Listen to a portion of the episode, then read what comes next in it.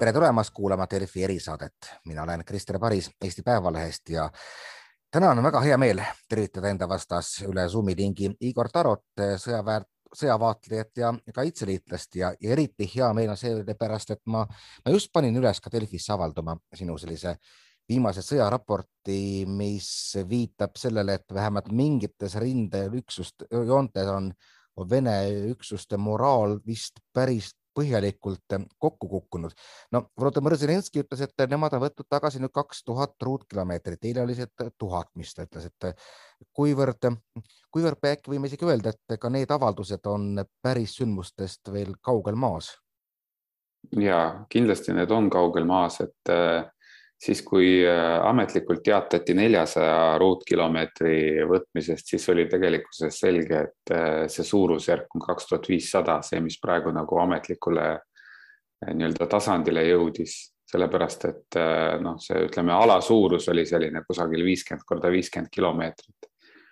aga see on selles mõttes nagu loomulik, et ametlikud teated jõuavadki teatud viivitusega lihtsalt sellepärast, et äh, kõik, kes on äh, kunagi õppustel käinud, äh, saavad aru, et, et nii-öelda see infoahel kaevikus olevast inimesest kuni lõpuks mingisuguse peastaabi tasandini. ja kus veel võtab aega see, et otsustada, mida siis täpselt teada anda, et see on päris pikk, et ka siis, kui keegi ei tegele spetsiaalse info varjamise või infooperatsiooniga, noh, see on täiesti loomulik, et see võtab paar päeva aega. nii, aga kus me siis praegu ikkagi omadega oleme, et kas minu kirjeldus, et mingites lõikudes on nagu Vene rinne kokku kukkunud, vastab enam-vähem tõele? no ütleme, et eh, see vastab tõele siis eh, Harkivi oblasti osas, ma arvan, peaaegu kogu oblasti osas, et siin äh, õhtupoole või öösel ma kirjutasin veel, et äh, küsimärgiga jääb see osa, mis on nagu Harkivi linnast põhja pool. Äh, tundub, et täna hommikul olid juba uudised, et ka seal teatud tugipunktidest algas nii-öelda evakuatsioon üle siis riigipiiri, et, et võib-olla ka see lõik, mis seal viimasena jäi, ei valmista ukrainlastele pikemat aega enam probleeme aga noh, elame-näeme. Ehm, nüüd sealt lõuna poole minnes, siis äh, järgmine, järgmine kandidaat äh, nii-öelda kokkukukkumisele on äh, Luganski oblasti põhjaosa ja tundub, et sellega on ka aamen juba, et sealt on Vene üksused olid juba eile kuuldavasti lahkunud. No ütleme, kui me räägime sellest osast, mis on Luganskist põhja poole ja Severodonetskis nii-öelda kirdes, et äh, kirdes idas, et äh, tõenäoliselt seal äh, väga palju mingisuguseid jõudusid ei ole. noh, nüüd on nagu küsimus see, et mis juhtub seal Lõssetšanski, Severodonetski selles piirkonnas, et ukrainlased kahtlemata sinna lähenevad, ilmselt ka suurtel kiirustel ja hulgakaupa. Ähm, kuidas see kõik kujuneb, noh, praegu ei oska öelda, et, et selles mõttes, kui keegi avaldab mingisuguse tweet'i sõnaga punkt, et kas seda saab nüüd tõlgendada sellega, et, et kogu see linn on ära võetud. ma ei oska öelda, ma arvan, et see võib-olla päris nii kiiresti ei käi. lisaks tuleb aru saada ka sellest, et kui Vene üksused on lahkunud mingist piirkonnast, siis see ei tähenda, et Ukraina üksused sinna kohe imelisel kombel nagu Star trackis transporteriga nagu ilmuvad, ühtäkki materialiseeruvad seal, et tegelikkuses sinna tuleb ka kohale sõita. Ähm, mm, see ala tuleb julgestada, mm, teha seal mingisuguseid äh, nii-öelda puhastustegevusi, kontrollitegevusi, alustada demineerimist ja nii edasi.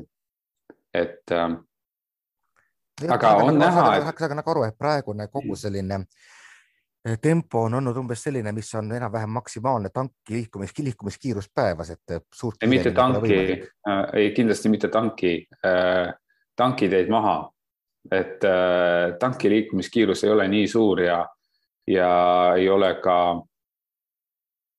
ma arvan, et ei ole ka kütust võimalik järele vedada, et see selgitab ka asjaolu, miks see eepiline Vene kaitseministeeriumi vägede ümbergrupeerimine Izumist Donetski suunal juhtus niimoodi, et kogu suurem osa lahingutehnikast, kütusevarudest ja moonast maha jäi. ehk siis need on ikkagi kerged veoautod, mis võeti liikumiseks. ja isegi kui liigutakse veoautodega suurte hulkadena, siis see võtab kiirust tegelikult oluliselt maha, et ega see noh, ma arvan, et kusagil tekivad ka ummikud, sellepärast kui toimub mingisugune selline paaniline taandumine. et see jah, see ei ole nii lihtne. kus te nüüd võtaks, võtaksid kokku, et noh, mis siis juhtus, kõigepealt, kõigepealt see, kas siis oligi nagu selline plaan tuleb nagu tagantjärele välja, et kõik rääkisid Hersonist ja päris löök anti Harkivis või tuli see tegelikult ka ukrainlastele üllatusena, et see nii habras see kaitse seal oli? ma arvan, et see tempo, see edasitungimise tempo pigem tuli ilmselt üllatusena. ma arvan, et või noh, ütleme, arvestades seda, mida Ukraina poolelt äh, rääkijad inimesed on rääkinud viimastel päevadel loomulikult on Ukraina väejuhatus äh, selle operatsiooni nii-öelda ette kavandanud ja planeerinud. Äh, ja noh, tõenäoliselt on planeerinud selle ka enam-vähem nendes suundades, mis praegu realiseeruvad, et kui seda plaani ei oleks sellisel kujul olnud, siis nad ei oleks ka nii sujuvalt edenenud, et see plaan oli neil ees, lihtsalt tõenäoliselt neil oli ajajoon võib-olla natuke nagu pikem ja siis, kui nad läksid seda plaani teostama, äh, siis nad lähtusid lihtsalt nendest võimalustest, olid nagu hästi agiilsed ja vaatasid, et äh, kuidas see olukord äh, nii-öelda areneb, et, et vaevalt, et nad juba planeerimise faasis täpselt nii-öelda olid nii kavalad ja, ja, ja ette targad, et nad kujutasid ette, ahah, et need, nüüd me teeme Hersonis mingisuguse pettemanöövri ja, ja siis hoopiski edeneme kusagil viiskümmend kilomeetrit päevas mujal. ma arvan, et nii Hersonis kui ka Harkivi oblastis nad tegutsevad täpselt selles tempos, mis, mis on nagu maksimaalselt võimalik. ehk siis sa vaatad, kus sul võimalus tekib, seal tungid rohkem edasi ja, ja noh, vastavalt sellele sündmused kujunevad, et. kus oli Vene luure, ma lugesin ka mingit ülevaadet eh, näiteks Economistis, kus üks siis eh, nii-öelda nende allikas ütles, et meie näeme kõike ja venelased on pimedad, et mis on juhtunud? ma ei usu väga hästi, et venelased on täiesti pimedad, sellepärast et eh, Ukraina pool ütleb ka oma vastase tegevust kirjeldades seda, et, et sealtpoolt on äh, droonid äh, pidevalt õhus. ja noh, eks me igapäevases statistikas näeme ka, kui palju neid droone maha võetakse. Et nüüd viimastel päevadel on vahepeal olnud, ütleme neid kümmekond tükki päevas, vahepeal on neid olnud kaks või kolm. et äh, see viitab ikkagi sellele, et neid on õhus palju rohkem noh, küsimus on muidugi selles, et kui sul tuleb selline läbimurre, nagu seal Balakliast äh, pihta hakkas ja kusagil nagu see rinne laguneb, siis äh, selles lõigus võib tõesti öelda, et nad olid pimedad. Tõenäoliselt sellepärast, et noh, keegi peab ju seda drooni juhtima. Ja kui sul äh, toimub mingisugune kaos, paaniline taganemine, siis sul tõenäoliselt ei ole neid droonioperaatoreid seal lähedalt võtta, sul ei ole enam inimesi, kes selle peale mõtlevad, kui nad hakkavad elu eest ära jooksma. Et see, et selles mõttes äh, tolles lõigus kindlasti äh, ja see ka selgitab sündmusi, et selles mõttes tolles lõigus nad kindlasti olid pimedad, nad ei saanud aru, äh, kui suur on selle katastroofi mastaap. selles lõigus tõenäoliselt oldigi nagu pimedad ja see, mis juhtus nii-öelda reserviga, näitas ka, et kogu see tegevus oli selline võrdlemisi kaootiline, et neid reserve, mida Vene propaganda demonstreeris kangelaslikult, neid lihtsalt visati kuhugi tulle, nii nagu laastutuld tehakse, eks ole, et sa viskad laastud ja siis nad põlevad hästi ruttu ära. tulemus on ikkagi väike, noh, loomulikult see on äh, väga naljakas, et äh, Vene propaganda eelmise päeva äh, uudised ja pildid ju tegelikult lükkavad ümber ka, ka nii-öelda järgmise päeva teated, kus nad teatasid, et kõik on väga planeeritud ja, ja nii oligi mõeldud, et et päev enne nad üritasid demonstreerida seda, et, et kuidas mingisugused kolonnid liiguvad sinna suunal kogu seda värki nagu tugevdama, näitasid mingit Mi kahekümne kaheksasi Ähm, helikoptereid, maailma ühed suuremad äh, transpordikopterid, et nendega nüüd hakkame tooma. et ja, et, et tegelikkuses kogu see asi näitas, et, et see asi oli üks äh, suur kaos ja paanika nende jaoks. minu jaoks on, ongi võib-olla vaata kõige üllatavam olnud see, et venelased on ju täiesti ametlikult teatanud, et nad viivad välja Iziumist igalt poolt väed, ehk nad on nagu, äh, ma ei oleks oodanud, et nad tunnistavad taganemist niivõrd kergesti ei, nad ei ole taganemist tunnistanud ju, nad on ikkagi öelnud, et see on, et see oli plaanipärane rotatsioon nii-öelda ja, ja ümbergrupeerumine, eks ole, Donetski suunal, et selles mõttes seal see, see, need käärid nagu reaalsuse ja, ja, ja Vene kaitseministeeriumi nii-öelda maalitud pildi vahel ikkagi nagu laienevad järjest, ma arvan, et need jätkavadki laienemist kuni sõja lõpuni välja aga huvitav, äh, huvitav on ju see areng, mis toimub äh, äh, nii-öelda mujal okupeeritud territooriumidel, kuhu Ukraina väed ei ole veel jõudnud. Ma just lugesin ühte uudist sellest, et väikeses külakeses suhteliselt Luganski lähedal heisati Ukraina lipp enne veel, kui ukrainlased kohale jõuavad. mina arvan, et, et see efekt tõenäoliselt hakkab väga kiiresti laienema ja suure tõenäosusega ei ole enam väga palju inimesi, kes neid Ukraina lippusid julgeksid maha võtta. et see on selle asja nagu psühholoogiline pool kogu selle okupeeritud alade mõttes ja, ja kollaborantide mõttes, kellele noh, kelle ainus mõte on see, et kuidas minema saaks.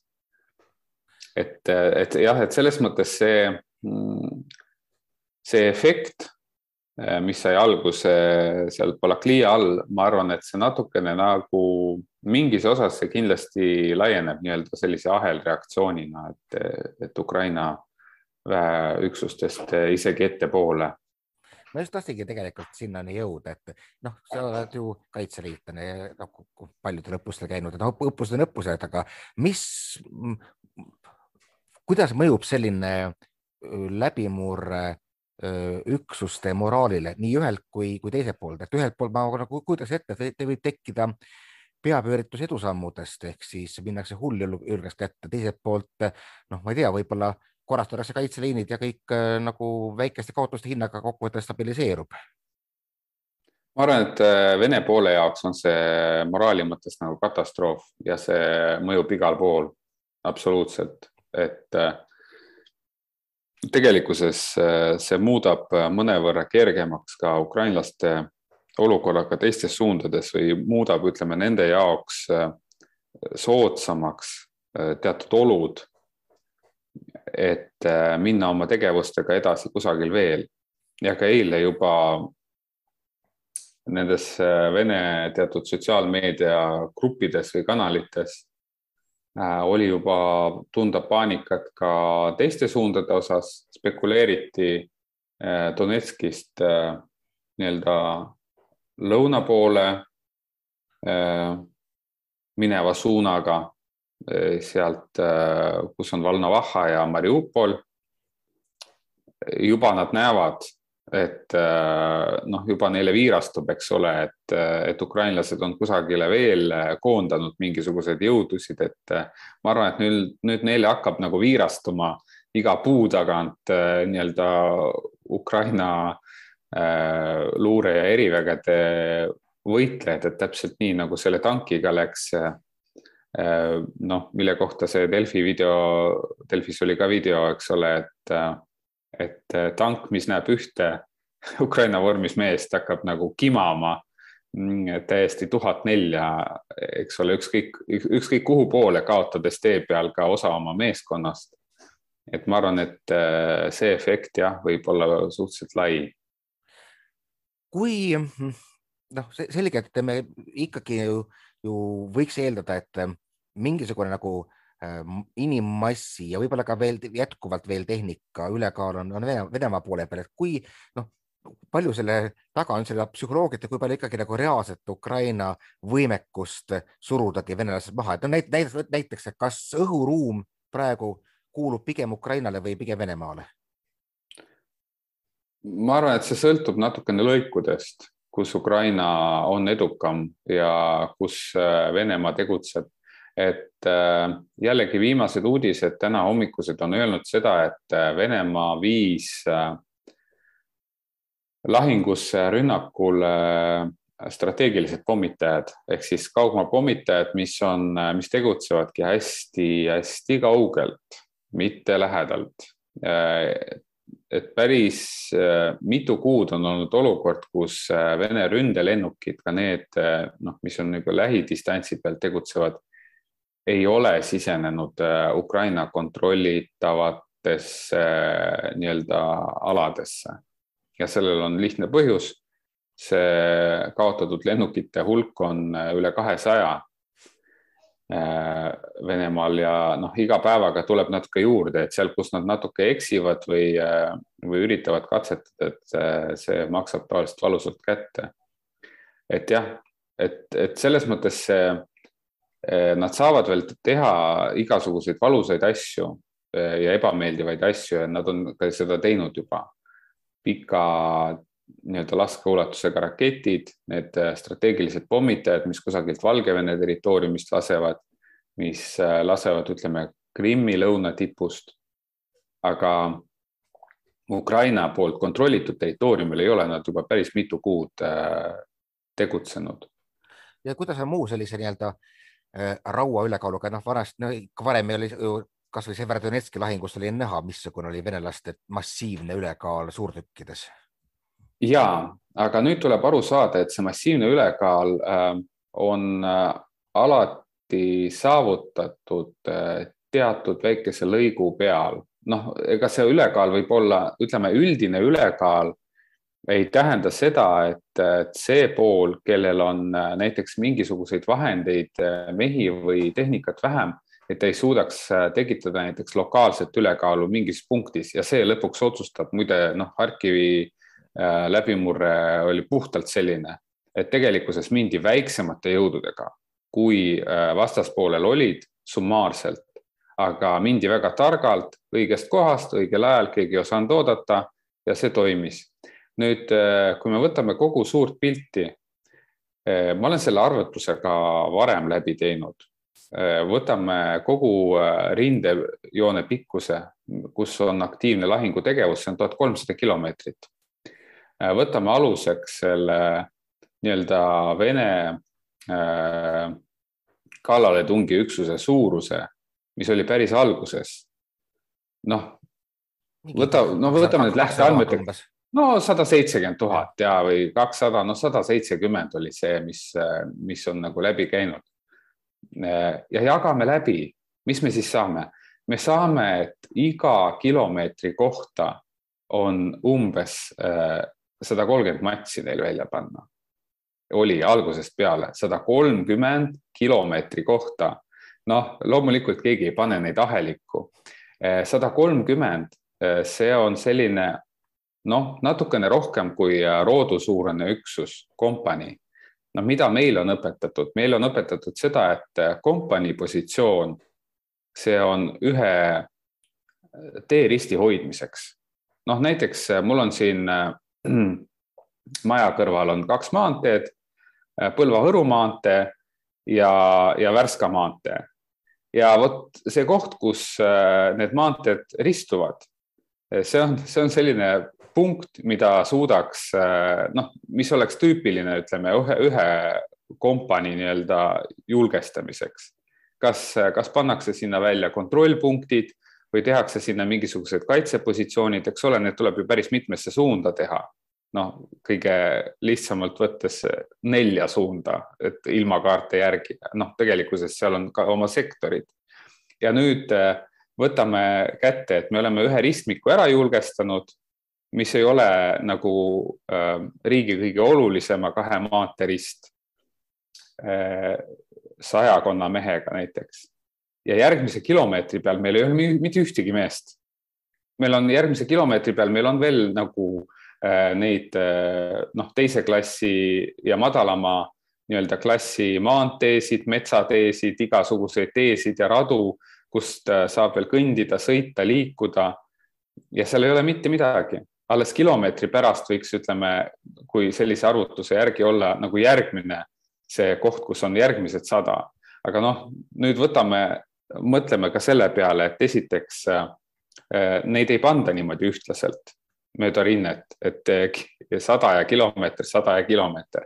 et kui on suurem asula, äh, seal oli mingisugune suurem äh, kontingent, siis järelikult päris mitu kilomeetrit jäävad juba üks ole sellistest äh, üksustest ilma, see on number üks. number kaks, äh, kaitse ehitatakse üles nagu mitme ešeloni kaupa, eks sul peab olema pärast esimest kaitseliini, sul peab olema keegi veel taga. Äh, teine kaitseliin ja ja ütleme noh, eeskujuliku öö, olukorra saavutamiseks sul võiks olla kolmas ka, see on selleks, et juhul, kui sul keegi hakkab nagu väga peale pressima, peale murdma, sul on võimalik vajadusel, kui sul üks liin taandub, sul kaks äh, liini hoiavad ja see taanduv liin nii-öelda läheb sinna tahapoole ja valmistab jälle midagi ette. see kaevamine, kõik see võtab aega. meie praegune arvutus ei näita seda, et, et seal võiks olla nagu mingisugune teine liin. me ei ole arvu, arvesse võtnud seda, et viiskümmend tuhat Eh, Tegelinskit on seal, sealt eh, igavikuteedele ammu lahkunud. me ei ole arvesse võtnud seda, et peavad olema logistika ja varustusüksused, mis on ka suurearvulised, et kogu seda asja nagu sealt toita väga suurte vahemaade pealt tuua nii-öelda moona.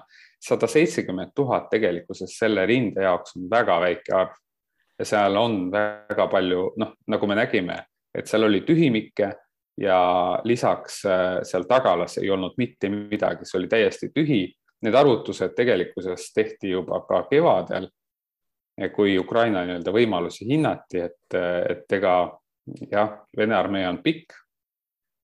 ta ei ole väga võimas, aga ta on pikk, nüüd selgub, et ta on pikk ja peenike. Ja, ja jah, et sellised noh, teise maailmasõjas mastaape ikkagi inimmassi poolest, poolest ei ole, aga noh, jällegi, kui nüüd sa rääkisid nendest kaitseliinidest, siis ma saan aru, et nagu Hersoni kandis ikkagi on need kolm liini kenasti olemas ja, ja põhimõtteliselt venelased istuvad üsna noh, ikkagi kaitses, kui need tümitatakse, aga nad ei, seal ei ole midagi taolist, nagu me nägime Harkivel. ja seal nad tegelesid sellega äh, mõnda aega rohkem Äh, viisid sinna mm, ka nii-öelda metsamaterjali selleks, et äh, punkreid ehitada, nad viisid sinna ka juba eelette valmistatud selliseid betoonpunkreid, nii-öelda pikaajaliselt kaitstavaid nii-öelda selliseid, kuidas, kuidas neid nimetatakse, vene keeles on dotid. Äh,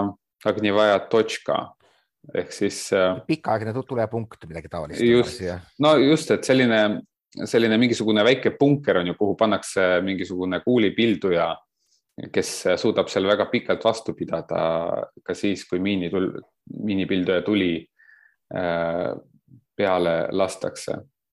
et jah, seal, seal on nad neid valmistusi, ettevalmistusi nagu rohkem teinud. tuleb arvestada ka sellega, et seal on üks piiratud ala Eh, ja see vägede kontsentratsioon on seal palju suurem. et mm, -hmm. et aga, jah, et see olukord. Pole, pole, pole, pole ka võib-olla nii väga kiiret, et vaik, vaikselt niimoodi lased taevast alla natukene neile kingitusi iga päev ja lõpuks nad lahkuvad ise no Ukraina jaoks jah, see lähenemine, mida nad Hersonis äh, planeerisid, oligi algusest peale hoopis teistsugune, nad ütlesid, et neile Nende põhiprioriteet on äh, Dnepri jõgi lukku panna. Äh, noh, läbi siis tulejõu purustades sillad ja nüüd hoides pidevalt kõiki neid praamiühendusi ja võimalikke pontoone tule all.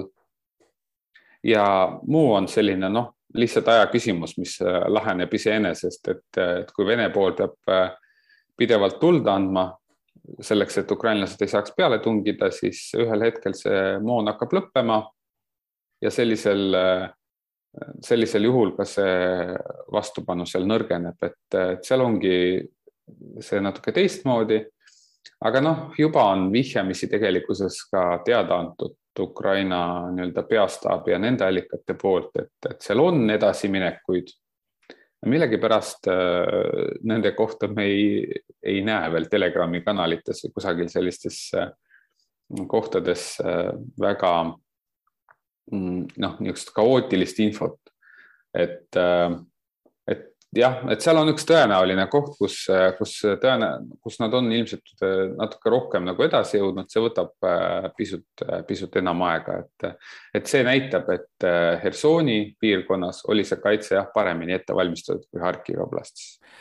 puudutaks veel paari teemat, üks on sõjavangide küsimus, et noh, ühest küljest võib-olla mulle jääb mulje, kui öeldakse, et meil on nii palju vange, et meil on nendega raske tegeleda, et see kõlab ka sellise nagu positiivse propagandana teisalt ma lugesin, vist oli Briti kaitseministeeriumi väited, et Venemaa pole vist teisest maailmasõjast saadik kaotanud terveid üksusi, nagu nad praegu on.